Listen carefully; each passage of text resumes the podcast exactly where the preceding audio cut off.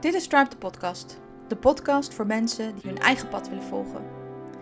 Ik ben Charlotte Derksen, holistisch therapeut en oprichter van Club de Visionair. Ik ga in gesprek met mensen die de moed hebben om hun eigen pad te banen en na vallen weer opstaan.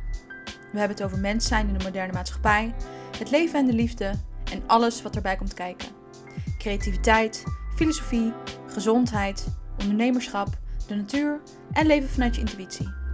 Leuk dat je luistert en veel plezier met deze aflevering. Welkom bij The Tribe. In deze aflevering spreek ik Eva Driessen. Met Even naar Eva deelt zij ceremonies, stilte en masterminds. Ze woont nu nog in Nederland, maar verhuist in mei naar Zweden. We praten over loondiensten en ondernemen, rust in deze wereld vol prikkels en hoe je meer vanuit vertrouwen en ontspanning kunt leven. Veel plezier!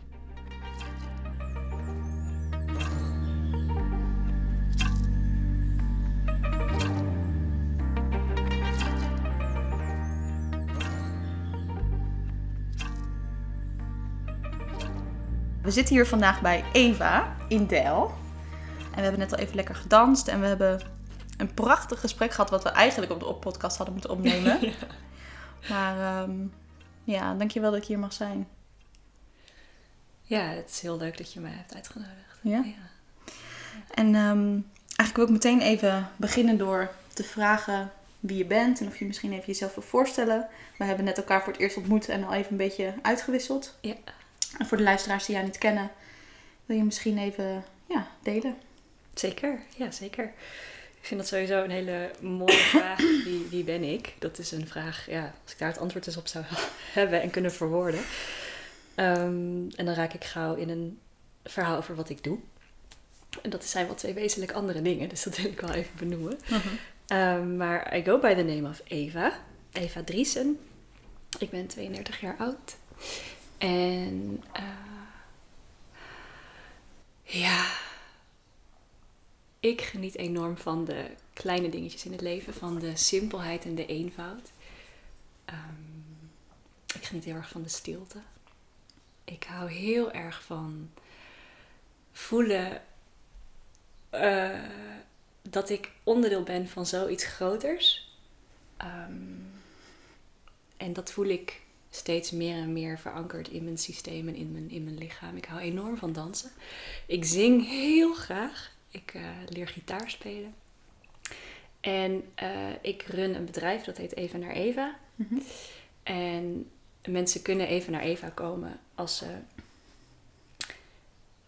voelen dat er, dat er meer wil in het leven. Dus mensen die over het algemeen een wat grijzer leven hebben, maar voelen, hé, hey, volgens mij mag daar wel wat kleur bij. Volgens mij een beetje zo de typische vraag, het doe maar lied. Is dit alles? Oeh. zo dat, dat, gevoel, zeg maar. En, mm -hmm. en um, ja, met mijn, uh, met mijn werk, en dat zijn voornamelijk stilte-retretes, uh, maar ook ceremonies en ook een mastermind traject wat ik geef. En het gaat heel erg over volgen van je eigen natuur en leren luisteren naar je intuïtie leren luisteren naar je natuurlijke impuls en je natuurlijke mm. instinct. Um, en daarmee gaan mensen leven met een hoofdletter L. Mm. Dat ze gewoon echt zo in, in ieder celletje voelen dat ze leven. En dat ik dat doe in mijn werk wil eigenlijk ook heel veel zeggen over dat dat enorm, iets is waar ik me enorm mee bezighoud. Dus mm. hoe, hoe kan ik dit wonderlijke bestaan op deze planeet vieren? Mm. En hoe kan ik mens zijn? Hoe kan ik leven?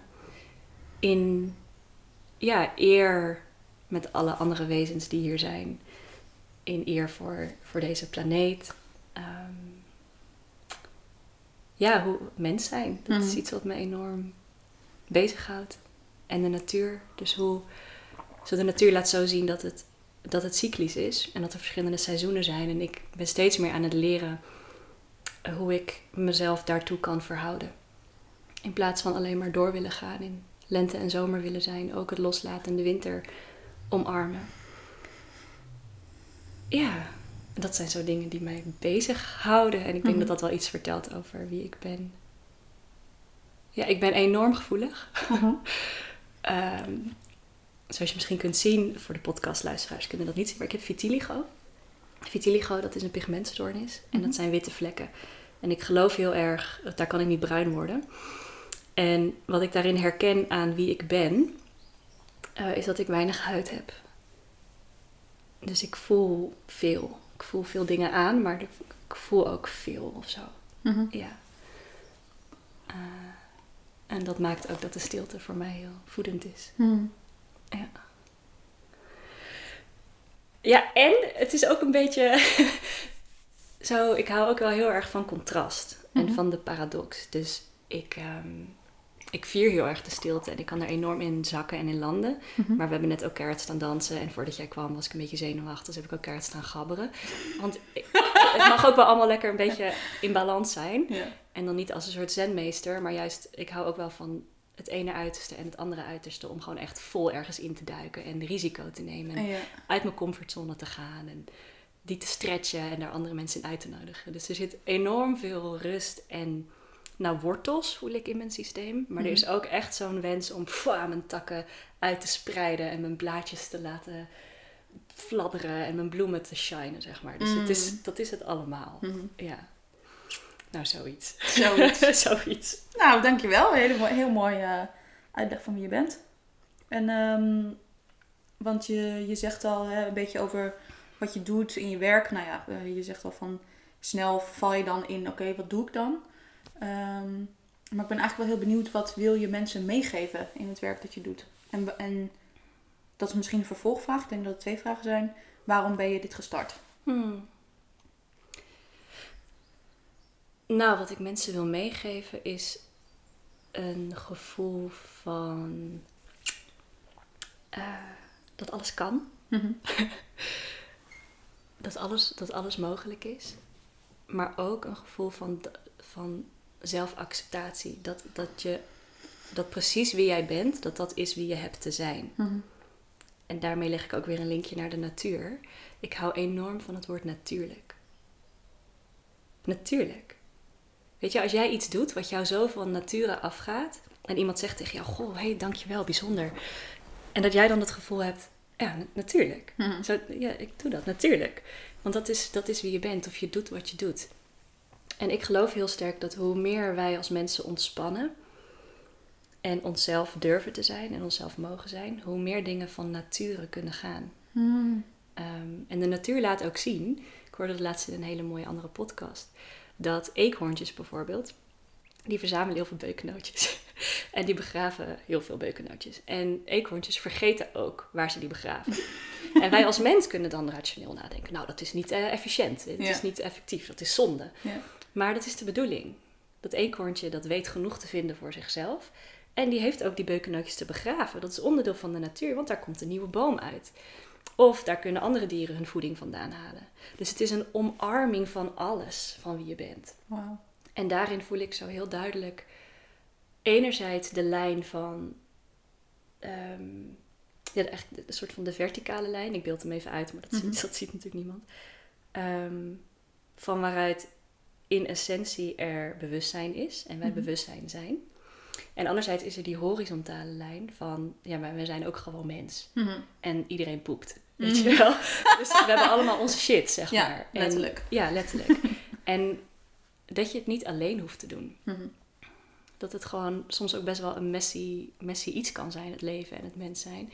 En dat hoe kwetsbaarder en meer open wij met elkaar kunnen zijn en eerlijk we kunnen zijn, Mhm. we het niet allemaal alleen hoeven te dragen. Mhm. En dat het leven ook daarmee mooi kan zijn. En het gaat me dan niet zozeer, ook niet in mijn werk om mensen gelukkig maken, of dat je alleen maar gelukkig bent, Mhm. maar dat het waardevol is en betekenisvol is en eerlijk is. Dat, je geen, dat je minder maskers hoeft op te zetten of zo. Dat je gewoon jezelf kunt zijn.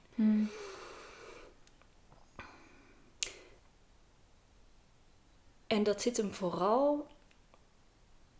Ik merk, ik, ik vind dit zo leuk, dus ik kan hier echt heel lang over doorpraten. Maar het zit hem voor mij vooral in een afleren in plaats van dat ik mensen iets aanleer. En, wa- en waarom zeg je dat je eh, mensen dingen afleert en niet aanleert? Mm, omdat het veel meer gaat om zien wie je al bent En dat omarmen, in plaats van dat je iets nieuws moet leren of dat je iemand anders zou moeten zijn dan wie je al bent. Mm. En we hebben zoveel techniekjes en maniertjes onszelf aangeleerd om bevestiging te krijgen, om er te mogen zijn. En wat als je dat al bent en als wat als dat niet hoeft? En dat Mhm. is natuurlijk een soort. ehm, eh, ja, hoe moet ik dat zeggen? Natuurlijk lukt dat niet in één keer. Ehm, maar dat perspectief kan wel al heel veel, al heel veel veranderen, denk Mhm. ik.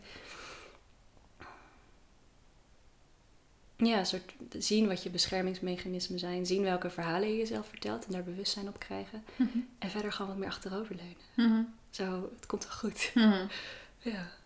De natuur heeft ook geen haast, zeg maar. De natuur die, die heeft ook zijn tempo en zijn seizoenen. Mhm. Net als wij. En ja, ik denk hoe meer we achteroverleunen en ontspannen, dat, dat het leven door ons heen kan stromen. En dat we eigenlijk bijna overgenomen worden door het leven. En dat we onszelf dingen zien doen, in plaats van dat we het allemaal maar moeten bedenken en allemaal moeten managen. Mhm. Ja. Mooi. Ja. En ehm, je hebt het al een paar keer over de natuur. En je noemt al even dat heel mooi dat verhaal van de eekhoorntjes en eh, de seizoenen in de natuur. Mhm. Wat leert de natuur jou nog meer? Of wat leert de natuur jou? De natuur leert mij een bepaalde overgave. Een bepaalde overgave aan de perfecte intelligentie. En dat, ik bedoel, beeld je in dat, dat, dat jij Mhm. als wezen eh, geboren bent vanuit ehm, een zaadje en een, en een eicelletje, wat zo minuscuul is dat je bijna niet kunt zien met je blote oog. Ehm, en dat daar alle informatie in zit om dit perfecte, prachtige mens te worden. Mhm. Het enige wat je nodig hebt is voeding. Mhm. Net als een heel klein zaadje wat we in de grond stoppen, waar wat aarde nodig heeft, wat water nodig heeft, wat, wat lucht nodig heeft. Maar dat gaat dus allemaal vanzelf. Mhm. Het heeft allemaal niet zoveel nodig. Dat gebeurt al. Ehm, en die de kracht wat daarachter zit, ja, dat is, ik vind dat zo'n wonder. En dat doet me buigen. Dat doet, Hmm. dat doet me echt zo. Wow, zo mijn ademhaling gaat vanzelf. Mijn hart klopt vanzelf. Kijk eens naar dat lichaam. Als ik een sneetje heb in mijn hand, dan fixt mijn lichaam dat vanzelf. Het is zo'n wonder. En dat laat de natuur mij zien. Zo, Hmm. Het gaat allemaal vanzelf. Je hoeft niet zoveel te doen. Hmm. Je mag ervan genieten. Ehm, ja, en dat gaat voor mij dan heel erg terug naar de basis, terug naar de, naar de eenvoud. Dat je niet zoveel nodig hebt ook. Mooi. En, ja. Want je benoemde net ook al even um, van eh, wat ik in mijn werk doe, gaat helemaal niet om dat ik mensen weer wil helpen om gelukkiger te worden. Mhm. Ehm, dus ik was daar benieuwd naar van oké, waarom zeg je dat? Want volgens mij zijn we met eh, heel veel mensen in de westerse maatschappij heel hard aan het werk om juist gelukkig te worden. Hè? Ehm, Ja, dat is het probleem. Precies, dus ik, ben- Ja. even heel benieuwd naar, naar je mening erop en, en je beweegreden om dat zo mooi te zeggen. Van ik wil helemaal niet dat mensen gelukkiger worden. Nou ja, kijk, tuurlijk gun ik iedereen gelukkig zijn. Ja. De- de- maar dat streven en daar dus heel hard aan gaan werken en daar heel hard naar op zoek gaan, dat voelt als, als ehm, dat je in een meer bent en dat je wil dat het water stil wordt en dat je dus heel hard met je handen op dat water gaat slaan en gaat zeggen, en gaat zeggen, nou water, wordt nou eens rustig. En, en als je, ja, Oh ja? dat, zie ik, dat zie ik gebeuren of zo. Mhm. En dat heb ik mezelf ook zien doen. Ehm, en tuurlijk is dat zoeken en dat, dat willen weten waar het zit of het heilige graal willen vinden. Ja, voor mij is, is dat er altijd. Alleen is het een kwestie van bewustzijn. En een kwestie van perspectief. Dat je Mhm. gaat zien hoe rijk je al bent. Dat je gaat zien hoe ongelooflijk eh, geprivilegeerd je bent dat je hier bent geboren. En dat, dat, dat je eten op je bord hebt. En dat je een dak boven je hoofd hebt. En dat je, kunt, eh, dat je veilig bent. Hmm. En hoe groot dat eigenlijk al is, dat gegeven. En voor mij zit geluk in de kleine dingen. Dus wat ik zie is dat heel veel mensen op zoek zijn naar piekervaringen. Mhm. En dus naar een retraite gaan, ehm, noem het tantra, maar ook eh, het ceremoniewerk, waar ik zelf natuurlijk ook aan meewerk. Eh, maar op zoek gaan naar de highs. We willen alleen maar high. Hmm. En, en die lijn kun je ook trekken naar de economie. We willen alleen maar een lineaire lijn. We willen alleen maar dat het omhoog gaat. We willen meer, we willen meer, we willen meer, we willen meer. We willen meer van die highs, meer van die highs.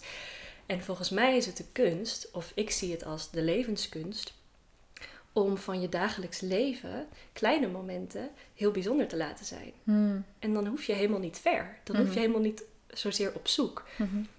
Dus als jij net zo'n sinaasappel proeft en je, je kijkt ernaar en je ziet die vliesjes en je realiseert je dat er zoveel zon in die sinaasappel zit en die, in, in die vliesjes en hoe sappig het is en hoe lekker het is. Als je de, die piekervaringen kunt halen naar je dagelijks bestaan, naar je dagelijks leven, dan zit daar zoveel waarde in. Hmm. En ik denk dat alleen maar omhoog willen. ehm, ja, what comes up must come down Mhm. of zo. Dus als je een ladder gaat beklimmen om omhoog te kunnen, die ladder is niet stevig. En als Mhm. je valt, dan val je echt behoorlijk hard. Mhm. En als je hier kunt blijven en met je voet op de aarde kunt staan en aanwezig kunt zijn met, met hoe je je voelt, dat je ook kunt ontdekken dat er enorm veel diepgang zit in het toestaan van je gevoelens, in het toestaan van je angsten, in het toestaan van verdriet of rouw. En dat dat gewoon ook heel erg bij het, bij het leven hoort. Hmm. En ja, ik denk, ik zei, ik legde het net al aan jou uit, van, van als ik een enorme huilbui heb, dan kunnen, ku- zouden mensen kunnen denken, jeetje, zij, zij is niet gelukkig, want ze is heel verdrietig. Maar ik Mhm. ben eigenlijk heel blij als ik heel hard huil, want ik Mhm. voel, ik leef, ik voel dat ik leef. Ik voel dat ik verdriet mag hebben, want ik heb verdriet omdat ik lief heb. Ik heb verdriet omdat ik leef. Ik rouw om mijn beste vriendin die er niet meer is, omdat ik zo enorm van haar heb kunnen houden. Hmm. En dat is het leven. Ja, en juist die balans in ehm, dat het en heel mooi mag zijn en heel rauw mag zijn. Ja, het is gewoon zo'n zo'n super cliché, maar zonder, zonder het licht is er, zonder het donker is er geen licht. Je hebt Mhm. het nodig. Hmm. En ik merk hoe meer ik dat, ook die donkere stukken in mezelf durf aan te kijken en durf te omarmen, hoe meer ik zie hoe licht het ook is. Hmm. Ja. Mooi. en dat is eigenlijk natuurlijk ook een hele mooie link met wat je net ook vertelde over hè, de natuur en het leven.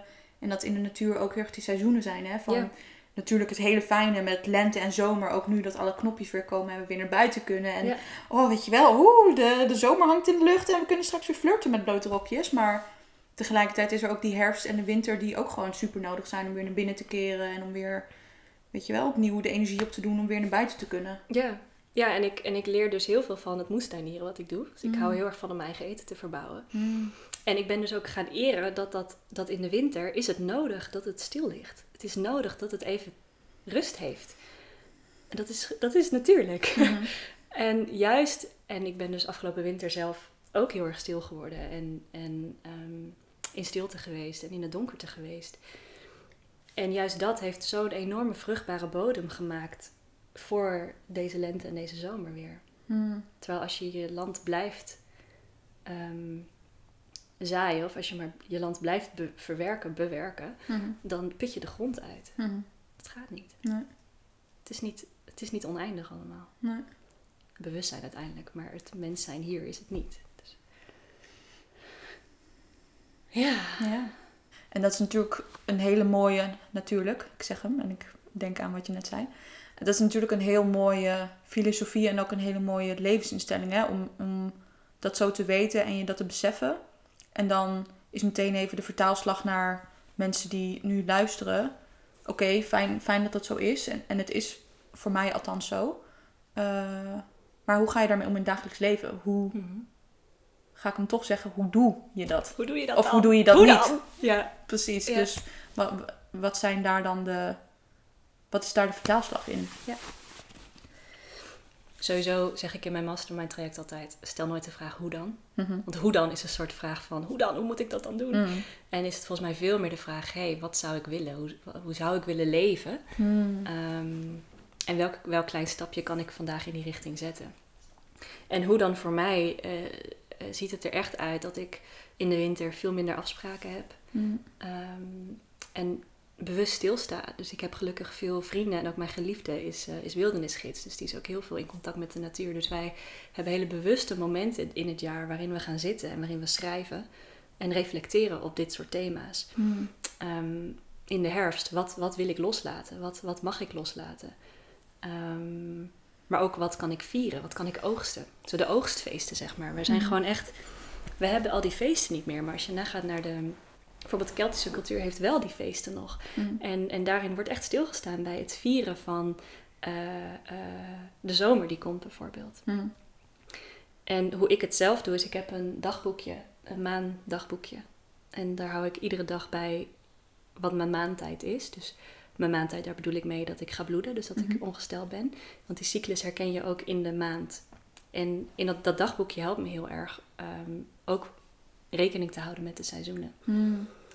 En om iedere nieuwe maan stil te staan bij wat is mijn intentie voor de komende periode. Welk Mhm. seizoen is het de komende periode en hoe kan ik dat verweven? Mhm.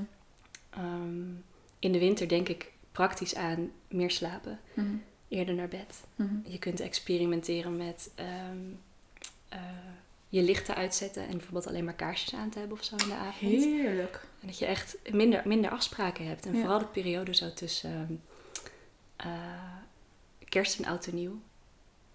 Dat je ja, eigenlijk een soort stilte met jezelf hebt. Mm. En thuis bent. En natuurlijk kun je dan alsnog wel dingen gaan doen als je dat wil doen. Maar die momenten inbouwen. Mhm. En daar be- ja, bewust mee omgaan. Ehm, en fantaseren. Dus ik heb bewust met, ehm, met Sascha en eh, mijn vriend en twee andere goede vrienden hebben we hier eind winter Mhm. een, een dag gehad waarin we echt gevisualiseerd hebben op het komende jaar. En hebben we zaadjes geplant voor, hey, waar droom jij van? Wat zie jij komend jaar voor je? Wat zou jij willen laten spruiten? Mm. En dat hebben we getekend en dat hebben we een soort van met elkaar besproken per persoon. En dan hebben we ook vragen aan elkaar gesteld van wat wil je dan of wat zie je voor je? Mhm. En vervolgens zo in de lente zijn we het echt aan het doen. We zijn er echt mee bezig. Dus Sascha en ik hebben heel bewust deze winter een zaadje geplant. We willen naar Zweden verhuizen. En hup, daar gaan we. Ja. ik ga dus naar Zweden verhuizen. Ehm, dus op die manier, ja, inbouwen, stilstaan, Mm. naar buiten gaan, veel naar buiten gaan, kijken. Mhm. Eigenlijk is het antwoord heel simpel. Hoe kun je dit in je dagelijks leven toepassen? Is ga naar buiten en kijk wat de natuur doet. Mhm. En vraag jezelf af, wat nodigt mij uit? Mm. Ja, wat Mooi. voedt mij? Mooi. Ja, ik hoor je, ik hoor je ook zeggen eh, heel erg ontspannen. En dus letterlijk wat je net ook zei, dat achteroverleunen en eh durven te vertrouwen in contact met de natuur. Ja. Dus heel erg kijken naar hoe de natuur leeft en daar een soort van in meegaan. Ja, en dat als ik. Ik ben benieuwd hoe jij dat doet, maar als ik echt aan mijn maandtijd denk, dan heb ik ook heel duidelijk in mijn maand eh, een periode van rust, loslaten. En dat ik echt gewoon ook vanwege mijn buik op de bank wil liggen met een kruikje en met een Mhm. kop thee en eigenlijk niet zoveel wil. En als ik daar dan weer uitkom, dan voel ik me een soort van Kim Kardashian type. Die gewoon, die denkt, Get it girl! echt wereld I come, weet je Ja, wel. ja, Hier, ja, ik ben er en, en kijk mij. En ik, en ik wil Mhm. gezien worden dan ook. Mhm. En ik trek dan ook mijn mooiste kleren aan. En ik, weet je, ik wil, ik wil naar buiten. Ik ben de lente. Ik voel me Mhm. levendig. Ik wil vrijen. Ik wil het leven eten. Ik leven proeven. Ja. En dat vieren. En dan op een gegeven moment voel ik weer, oh, poeh, ik heb het echt even helemaal gehad. En dan ga ik weer loslaten. En, dan, en, dan, en dat is echt mijn cyclus. Ja. Ehm, ja, dus be- be- ja, daarbij stilstaan. Ja. Ja. En, je, en je laten inspireren. En, Door anderen die dat doen. Of door mooie boeken. Of, ja, daarover. Mooi.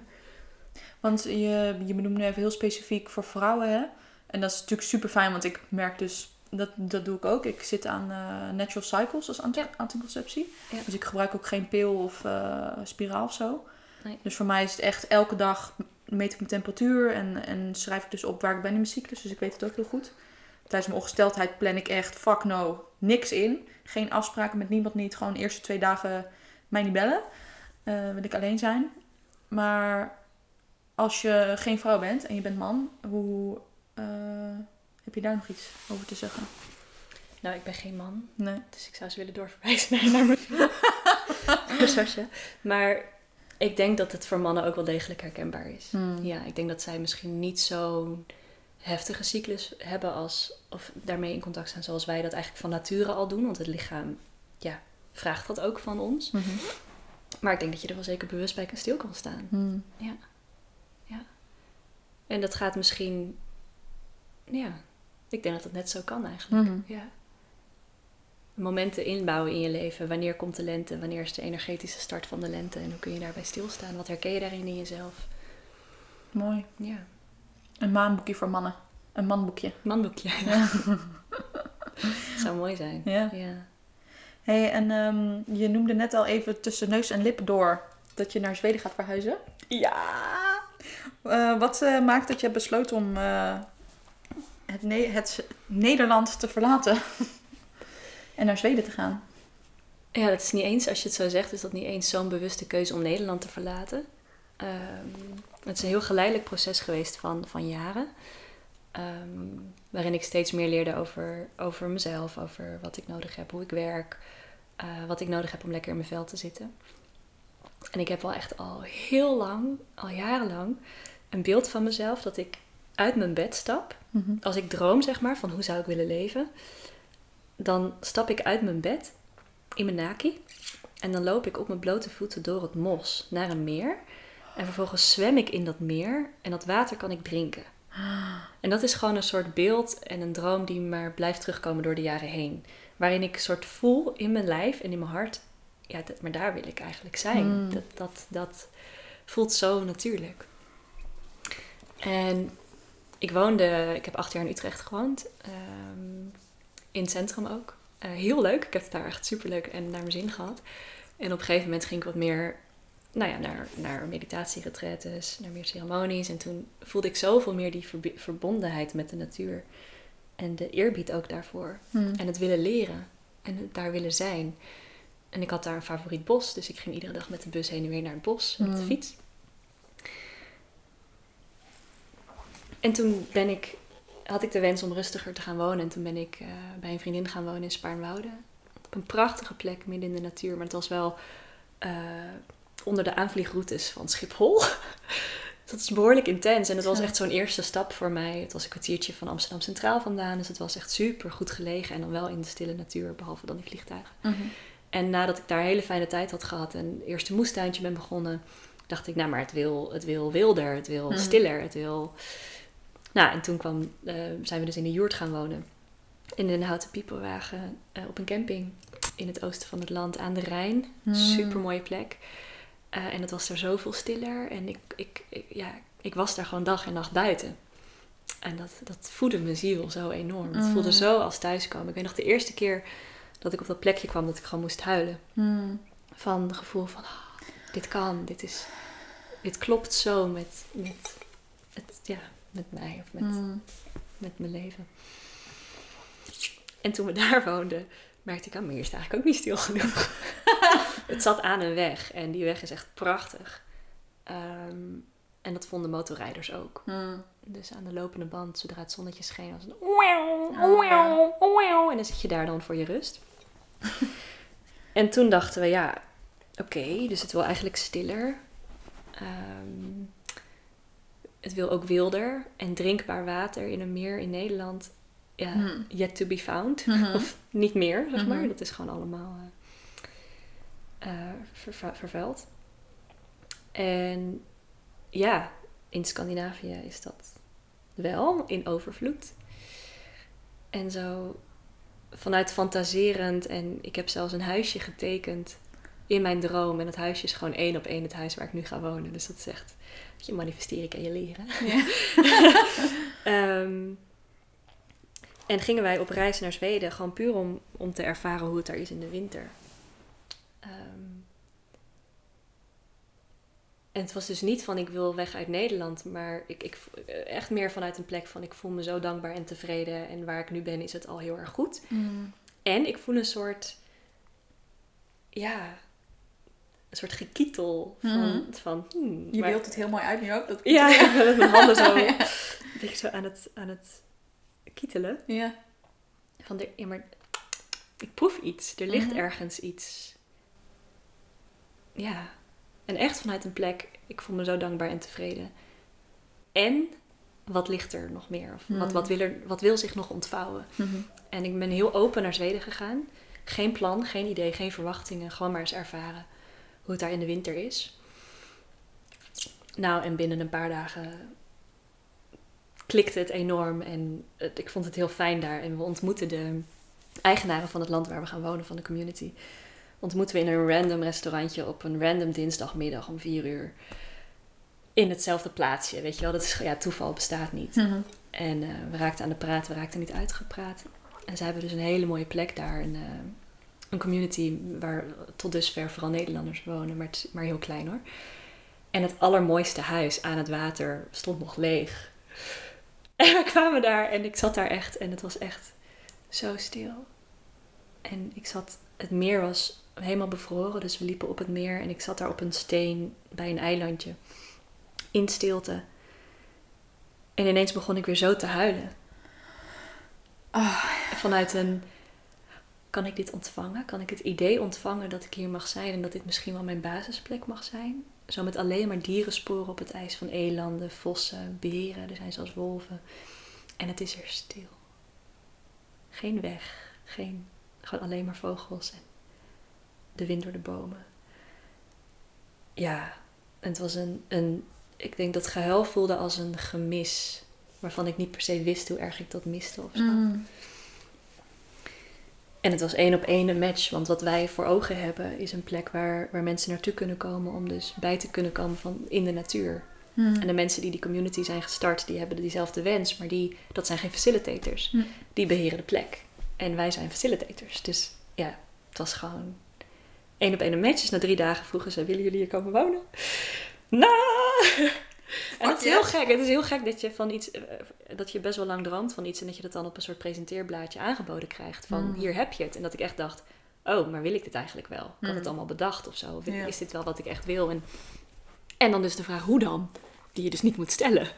Ehm, maar hoe moet ik dat dan gaan doen? Hoe doe ik dat dan met mijn werk? Ehm, hoe ga ik leven? Hoe ga ik, hoe ga ik aan mijn sociale contacten? Weet je, hoe blijf ik mezelf voeden dan? Maar dat zijn niet de vragen die ik, die ik wil stellen. Maar wat, wat als het lukt? Wat als dit gewoon kan? En zo simpel is het eigenlijk. We maken het zelfs soms zo moeilijk. Mm. Ja. En ook vanuit een, hey, weet je, als het niet bevalt, ga ik toch gewoon weer lekker terug. Lekker Ja. boeien, weet je. Ik, ik geloof ook niet dat iets kan falen. Nee. Weet je, veel mensen denken, oh, maar wat als het misgaat? Of, of als iets anders gaat dan verwacht, dan is dat dan heel erg jammer of zo. Terwijl ik denk, nee, dan heb je je les geleerd. En Mm. Ik denk dat ik anders de rest van mijn leven me afvraag, goh, hoe zou het zijn geweest om in Zweden te wonen of om in zo'n land te wonen? En dat weet ik straks. Mhm. En misschien denk ik na drie jaar, peace out, ik heb het wel gezien. Ja. Hey door op zijn Zweeds. Doei. En ik kom in Nederland. Ja, het staat allemaal niet zo vast, weet Ja. je wel. Ik gewoon, ja, let's go. En sinds, sinds ik ja heb gezegd, eh, klikt alles. Dus mijn werk stroomt veel meer. eh, ik zit veel meer op mijn plek. Het is gewoon de bedoeling. En daaraan Amazing. overgeven, ja, is echt gek. Het is zo mooi terwijl je het ook vertelt. Ik, ik ben helemaal daar. Ik zie het helemaal voor me. En ik denk echt, oh, ik kan me helemaal voorstellen dat je helemaal zo'n gevoel hebt van, oh, thuiskomen. Ja, En dan niet eens zozeer op de plek, maar gewoon thuiskomen in jezelf. Zo van, oh, dit, dit klopt voor mij. ja. Ja, en dat is ook wel iets wat je zegt van... Weet je, want ik kan ook best wel streng naar mezelf zijn. Van joh, de omgeving is een reflectie van jezelf. En alles in je omgeving is wat er in mij van binnen gebeurt. En als ik mijn omgeving wil veranderen, dan wil er eigenlijk iets in mij veranderen. Mhm. Zo enerzijds is dat waar en is dat heel behulpzaam. En anderzijds is het ook gewoon fijn om een omgeving te hebben waar je ja, in kunt leunen. Waarin je kunt leven, waarin je ja, die voedend voelt. Ja. Gewoon een omgeving die voedend voelt. Ja. Net als de mensen met wie je omgaat. Wat voedt jou? Ja. En die omgeving voedt, voedt mij. Ja, en ik denk dat ik vanuit daar nog zoveel beter mijn werk kan doen of zo. Ik voel me gewoon, Mhm. mijn creatieve juices gaan daar enorm stromen. Dus Mm. ja, ja, zin in. Super fijn, joh. En wat wel belangrijk voor me was, is dat er dus mensen wonen. Dus ik zou nooit in mijn eentje of alleen met mijn partner daar, daarheen gaan. Nee, Ik wil wel echt mensen om me heen. Daar, daar heb ik wel nodig. Ja. dat snap En die ja. zijn er en die zijn heel leuk. Wat fijn. Kan gewoon. Ja, super leuk, joh. Ja. Want hoe, hoe ben jij hier gekomen? Zeg maar, wat heeft eh, gemaakt? Kijk, natuurlijk is er het leven en dat, en dat stroomt en daar beweeg je op mee. Er komen dingen op je pad. Mhm. Ehm, maar misschien wil je vertellen van, oké, hoe ben ik hier gekomen? En eh, wat je heeft doen besluiten om dus uiteindelijk zelfstandig ondernemer te gaan worden. En eh, even naar Eva op te zetten. Ja. En nu dus zelfs naar Zweden te verhuizen. En, en dat je werk als geen werk voelt. ja. Ik ben wel benieuwd naar. Mm, ik denk dat dat heel erg in me zit. Of wat heel erg in me zit, is dat ik me kan herinneren als klein meisje al dat ik, dat ik dacht: ik snap het niet zo goed. Mm. Zo, ik snap het leven niet zo goed. En niet vanuit een, vanuit een vervelend gevoel of zo, maar meer vanuit: oh, is dit dan de bedoeling? Zo, je gaat werken en dan kom je s'avonds thuis en ben je heel erg moe. En dan ga je tv kijken, want je bent moe van je werk. En, ehm, maar ook dat ik merkte, ehm, als ik dan bijvoorbeeld wel eens eh, op televisie keek naar een gospelcore of zo, Mhm. dat ik dacht, zij hebben iets wat ik niet heb. Ik ben, ik ben best wel vrij opgevoed, als in, ik ben wel naar een Rooms-Katholieke school gegaan om, om een en ander mee te krijgen over achtergronden. Maar verder niet praktiserend gelovig of religieus of iets in die richting. Gewoon heel erg van, hey, voel wat, wat jou roept. Mhm. En eh, ik heb me daar altijd heel erg gesteund in gevoeld ook. Dus ik ben volgens mij als enige van mijn gezin eh, naar de kerk gegaan. En gewoon van, ja, daar is iets of er, ik, ik mis iets of zo. Mm. Er is een, er is, ik voel bij die mensen een bepaald vertrouwen en een overgave wat ik niet heb. Maar ook iets om, om voor te bidden of zo. Of, of een verbinding. En ik begreep het gewoon niet. En ik, ik heb zelfs, volgens mij heeft mijn moeder zelfs een keer de Koran voor me gekocht. En gewoon heel erg, nou, ga maar ontdekken. Ga maar, ga maar, ga maar ontdekken. Wow. Maar ik vond het daar niet. Of als ik Hm. daar dan was, dacht ik, nou ja, het doet niks met mij. Nee. Maar het was dus wel als jonger meisje al levendig. Ehm, maar ik had in mijn omgeving alleen maar mensen die gingen studeren, gingen werken. En dat, is, ja, dat hoort nou eenmaal bij het leven, Eve. Ja. Dat is nou eenmaal hoe het is. Ja. En tijdens mijn reizen... ehm, ik ben gaan reizen, dat, dat, dat, had ik zin in. Zoals we, ja, dat is een beetje zo'n generatiedingetje, weet je wel, van de wereld verkennen en zo. En ik weet dat ik in Vietnam in een internetcafé zat. En ik was toen net een week lang opgetrokken met een vrouw die net een yogaopleiding had gedaan. Ik vond hoe zij in het leven stond enorm inspirerend. Mm. Heel oordeel, of bewust van oordelen, maar ook wel heel erg oordeelloos. Van ieder heeft zijn pad en, en, en heel vrij Mhm. voelde het. En toen ben ik voor het eerst in mijn leven gaan googlen op wat is yoga eigenlijk. en dan, wat doen die mensen dan in zo'n ashram of zo, weet je wel. En toen heb ik dus zes uur lang zitten huilen achter een computerscherm. Ah.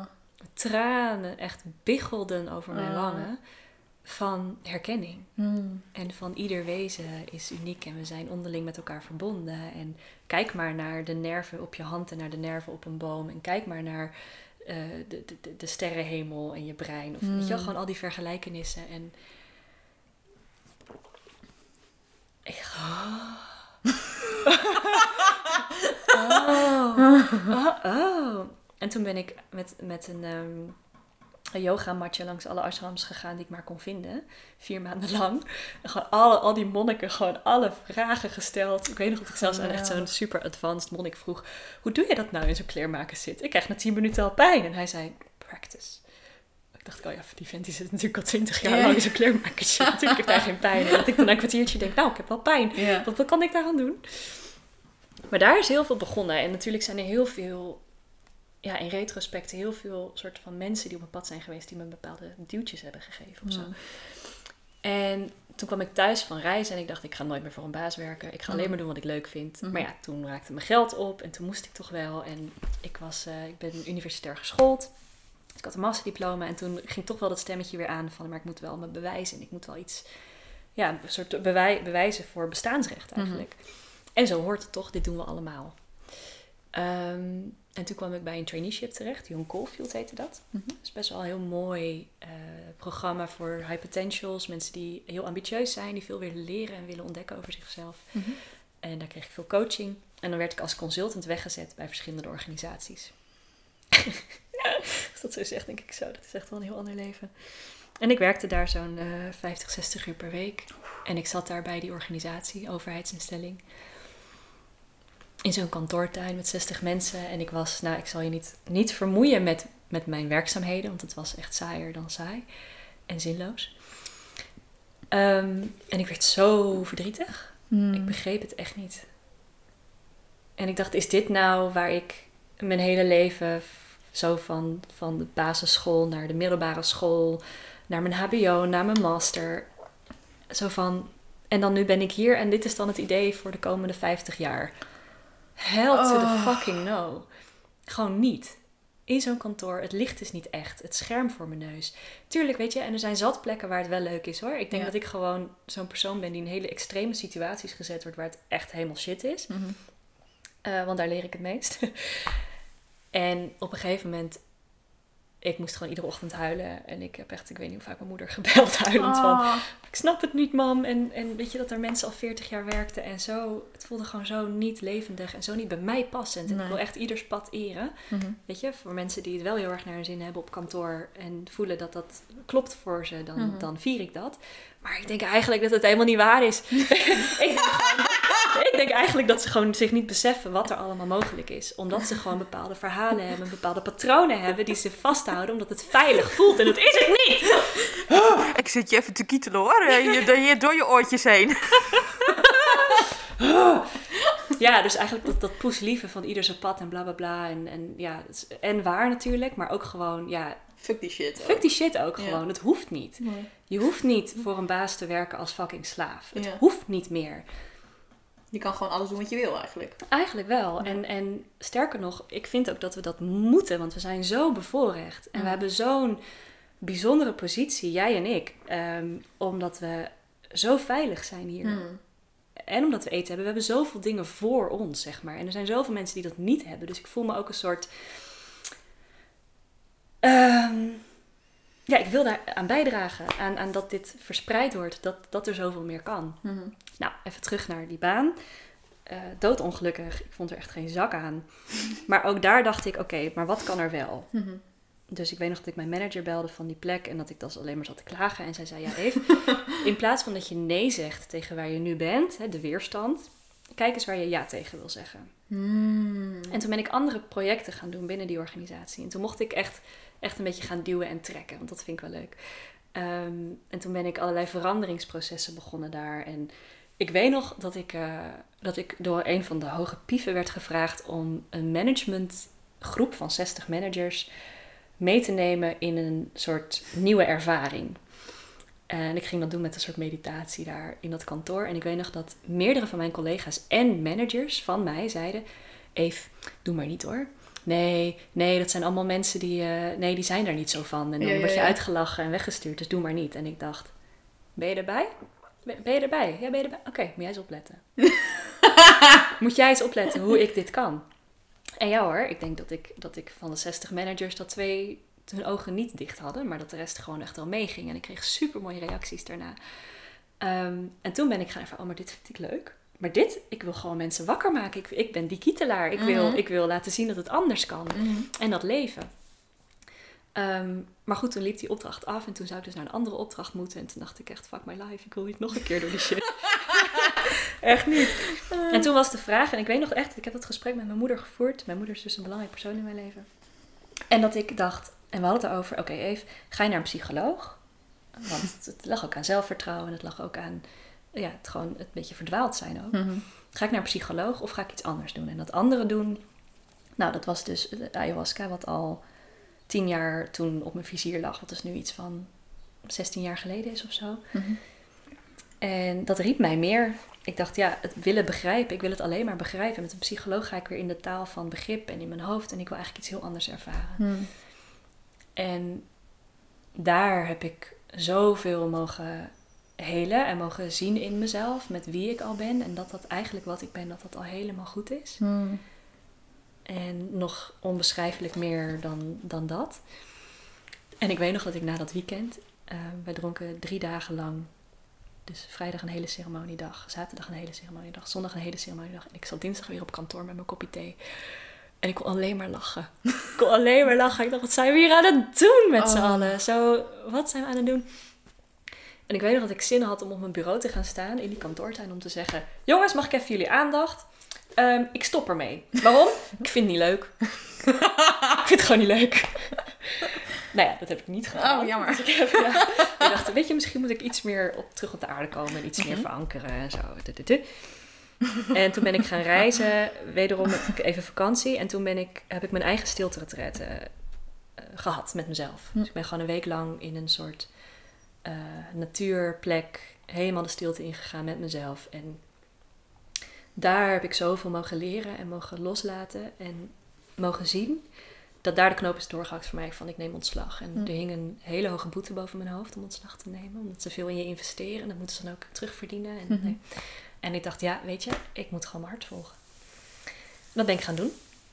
En ja, ik wilde eigenlijk alleen maar zijn Hmm. en mensen meenemen in de simpelheid van het zijn. En zo heel stapsgewijs begon ik in Utrecht met stiltedagen in Hmm. de stad. Stilte in de stad heette dat. En had ik drie deelnemers en die zaten bij mij op de bank in de woonkamer Nou, stil te zijn. Toen gingen we met de bus naar het bos. Tijdens die dag. Dan gingen we in het bos wandelen en zo. En nou, daar vroeg ik 40 euro voor.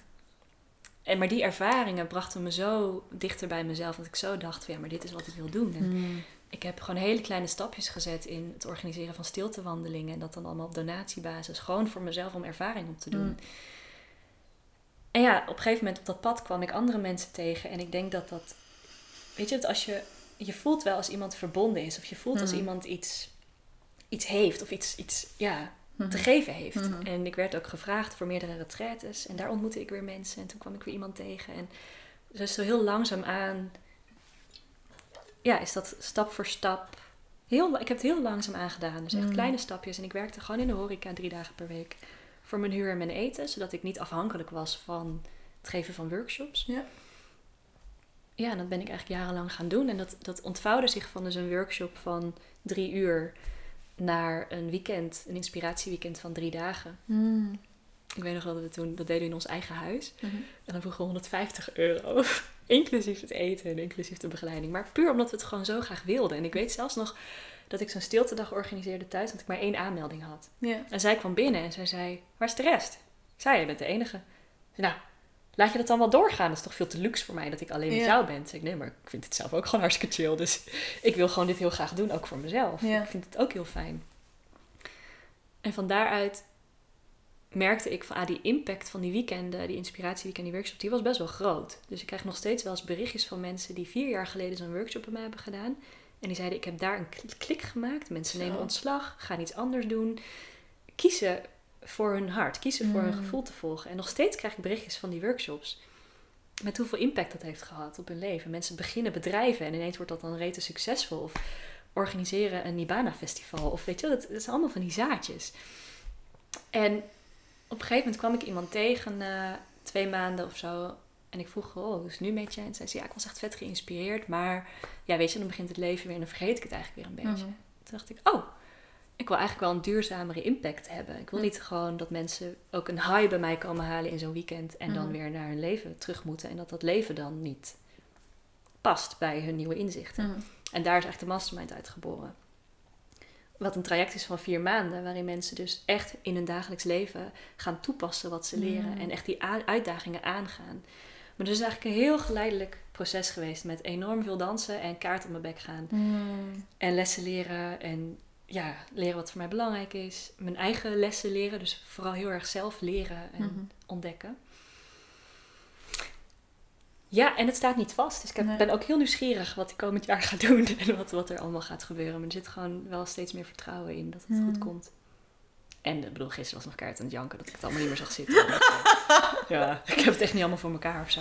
Dat hoort ook bij het leven natuurlijk. Ja, daarom. Dan heb je weer mooi de link naar de natuur en de cycli. En, Ja. en dat het eh, what, what goes up must come down. Ja, precies. Ja. Ja. Mooi. Ja, Inspirerend hoor. Heel, eh, ja, wat zit het bij jou aan? heel leuk om het, te om het zo te horen. Wat zet het bij mij aan? Waarom noem je het inspirerend? Ja, ik merk dat, dat er een verlangen in mij wordt aangewakkerd.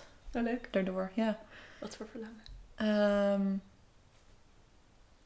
eh, ja, ik word er ook emotioneel van, merk ik. Omdat eh, dat, dat wat je noemt over dat thuiskomen en dat er een dieper verlangen zit. Hè, daar ben ik de laatste jaren enorm mee bezig door allerlei stappen te zetten en ontslag te nemen. En nou ja, allerlei, eh, allerlei sprongen te maken op mijn pad, zeg maar. En toch blijf ik nog zo'n verlangen voelen van, oh, er is iets waar ik naar op zoek ben. Ehm, en ik weet nog niet zo goed wat het is. Hmm. En er is wel elke keer een beeld wat ik voor me zie, wat jij dus benoemt met hè, dat eh, eh, je meer.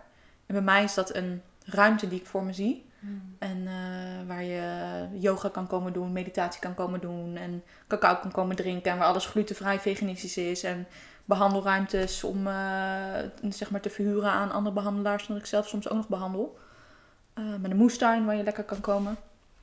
En mijn valkuil is dus om te gaan zitten in, oh, waar ik nu ben is nog niet goed genoeg. Hmm. Dus wat jij zegt van zeg niet nee tegen wat er nu is, maar ga ja zeggen tegen wat je Ja. wel wil hebben. Ja. Dus terwijl jij dit zo zit te vertellen, denk ik, hmm, dat klinkt erg eh, prikkelend en ehm, ja, het, het, het, het, het wakkert me aan. Mhm. Nou, ik zie dat we al bijna een uur lekker zitten te kletsen. Oh. Ehm, dus ik wil je eigenlijk vragen of je zelf nog iets hebt wat je graag zou willen delen. Of wat je echt nog wil meegeven aan de luisteraars. Mm. Nou, er komt een soort gemeenschappelijk gevoel in me op. En het emotioneert me ook als ik daaraan denk. Is zorg een beetje voor elkaar.